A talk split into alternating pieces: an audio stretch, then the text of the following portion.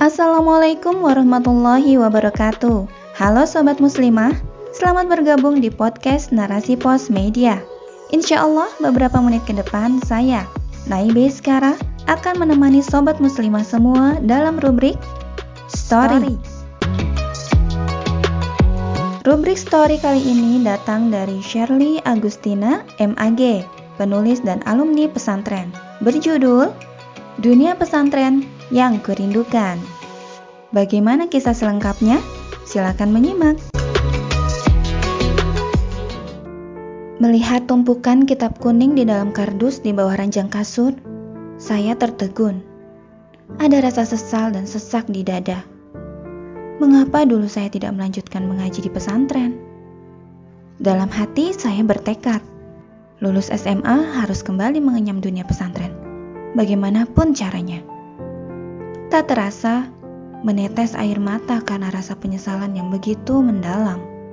Aku rindu pengajian di pesantren, tadarus Al-Quran, dan menghafal nizam, syair dalam bahasa Arab. Lulus SLTP di tahun 1999, saya tidak melanjutkan ke pesantren, tetapi pulang kampung di Banten. Saya sekolah di SMUN 2 Krakatau Steel dan menikmati perjalanan sekolah pulang pergi naik angkot dengan jarak yang lumayan jauh. Cilegon, kota industri yang sangat panas dan berdebu. Sekolah itu tak kalah bersaing dengan kota lain yang ada di Provinsi Banten. Lulus sekolah menengah, seperti kebanyakan siswa pada umumnya, saya mengikuti UMPTN untuk melanjutkan kuliah di perguruan tinggi. Selain itu, saya mencoba daftar jalur lain, yaitu di IAIN Bandung, sekarang bernama UIN. Tertarik dengan gaya dan isi ceramah Aagim, saya berencana kuliah di IAIN sambil mondok di pesantren DT. Ini plan kedua, jika tak lolos UMPTN karena tak mungkin jika harus menunggu UMPTN tahun selanjutnya. Sementara orang tua berharap saya kuliah di PTN, bukan PTS.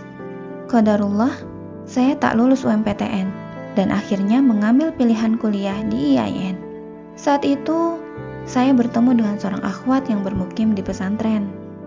Lalu mencari tahu agar saya bisa tinggal dan menimba ilmu di sana. Beliau senior di kampus dan di pesantren. Setelah tahu di mana tempat pesantren tersebut, langsung saya memilih sebagai tempat tinggal selama kuliah di Bandung. Saya berharap di pesantren ini bisa menembus apa yang tertinggal di masa lalu Memulai kembali dari dasar, bagi saya tak mengapa. Saya menggali kembali memori.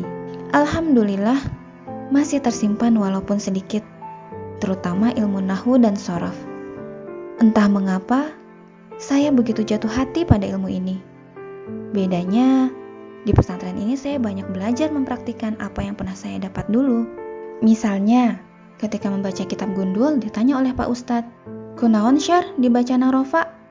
Saya menjawab, karena jantan fa'il, kalau jumlah atau kalimatnya fi'liyah. Jumlah fi'liyah diawali kalimat fi'il atau kata kerja. Walau deg-degan setiap ngaji karena takut tidak bisa menjawab ketika ditanya Pak Ustadz, tetapi suasana menegangkan ini seru. Sering Pak Ustadz mengetes saya, dan saya lebih terlatih jadinya. Semester 3, saya mulai sibuk dengan aktivitas organisasi di kampus jadwal padat merayap, saya pun cukup kesulitan membagi waktu, mengaji di pesantren, kuliah, dan organisasi di kampus. Jadwal mengaji pagi diupayakan ikut sebelum kuliah. Jadwal mengaji sore diupayakan ikut setelah kuliah di kampus. Suasana antri di kamar mandi sangat dirindukan. Pemandangan yang biasa di dunia pesantren. Apalagi ketika kemarau panjang, kadang tidak mandi. Kadang saya dapat air hasil mengantri hanya satu ember, lalu didiamkan semalaman. Ini bisa untuk wudhu, buang hajat, dan mandi. Sambil antri air, kadang saya isi dengan membaca buku agar waktu tidak sia-sia. Katanya tidak disebut santri jika tidak merasakan sakit kulit atau gatal-gatal. Kalau dalam bahasa Sunda, disebut buduk. Saya pun pernah merasakan ini. Gatalnya luar biasa dan lama. Tak mengapa, semua dijalani dan dinikmati sebagai santri dan perantau. Jadwal mengaji Ba'da Maghrib pun diupayakan bisa ikut, walau terasa lelah setelah aktivitas seharian. Sampai selesai S1, saya jarang bolong mengaji, karena komitmen ingin kembali ke dunia pesantren dengan segala apa yang ada.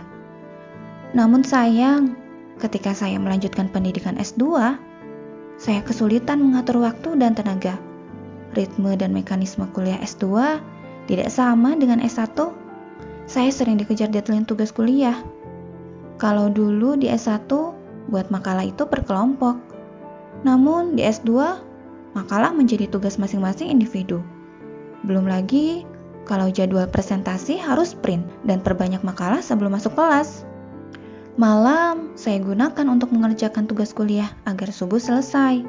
Sebelum makalah dibuat, harus mengumpulkan referensi dan dibaca terlebih dahulu. Waktu yang dibutuhkan lumayan karena hampir tiap hari dikejar deadline. Padahal saya menanti kitab paling tinggi tentang Nahu, yaitu kitab Alfiyah. Saya ketinggalan banyak dan mulai tidak fokus untuk bisa mengejar dan mempelajari kitab Alfiyah. Memang benar, kita harus punya idealisme tinggi, yaitu sebagai bagian dari pejuang Islam. Tak hanya dibutuhkan sakofah Islam yang banyak, tapi juga organisator sejati hingga mampu mengatur dengan baik segala sesuatunya, termasuk memanage waktu dengan baik. Namun, faktanya saya menghadapi kesulitan untuk bisa menjadi organisator yang baik. Saya belum mampu memanage waktu dengan baik. Kapan menunaikan amanah di kampus sebagai mahasiswi, organisator, serta di pesantren sebagai senior yang harus bisa memberi contoh yang baik. Selain itu, menimba ilmu menghendaki pertanggungjawaban di hadapan Allah, umat, termasuk orang tua, harus balance antara menimba ilmu di perkuliahan, organisasi, dan pesantren. Jika semua tertunaikan dengan baik, maka akan menjadi modal bagi perkembangan dakwah Islam. Memang sangat sulit menyatukan semua itu, tetapi bukan tidak bisa. Sayangnya, saya belum bisa merealisasikan idealisme itu. Nah, bagi generasi muda yang sedang ada di fase ini, maka gunakan waktu dan tenaga sebaik-baiknya umat dan Islam membutuhkan pejuang yang memiliki idealisme seperti ini, mampu menguasai dunia kampus, baik dengan perkuliahan dan organisasinya, serta dunia pesantren dengan ilmu dan aktivitas di dalamnya. Penyesalan memang selalu datang di akhir. Apa yang sudah terjadi tak akan pernah kembali. Semoga anak saya bisa melanjutkan idealisme ini dalam bentuk apa pun, menyatukan potensi ilmu, Sakofa Islam, dan organisatoris sejati, terutama anak laki-laki. Karena anak laki-laki adalah calon pemimpin di masa yang akan datang. Semoga kisah ini bisa diambil hikmahnya, walau secuil, semoga bermanfaat untuk dakwah dan kebangkitan umat hingga Islam kembali mengatur dalam kehidupan sehari-hari dan keberkahan menyelimuti dunia. Islam membawa rahmat ke seluruh alam, bukan hanya wacana belaka tetapi realita.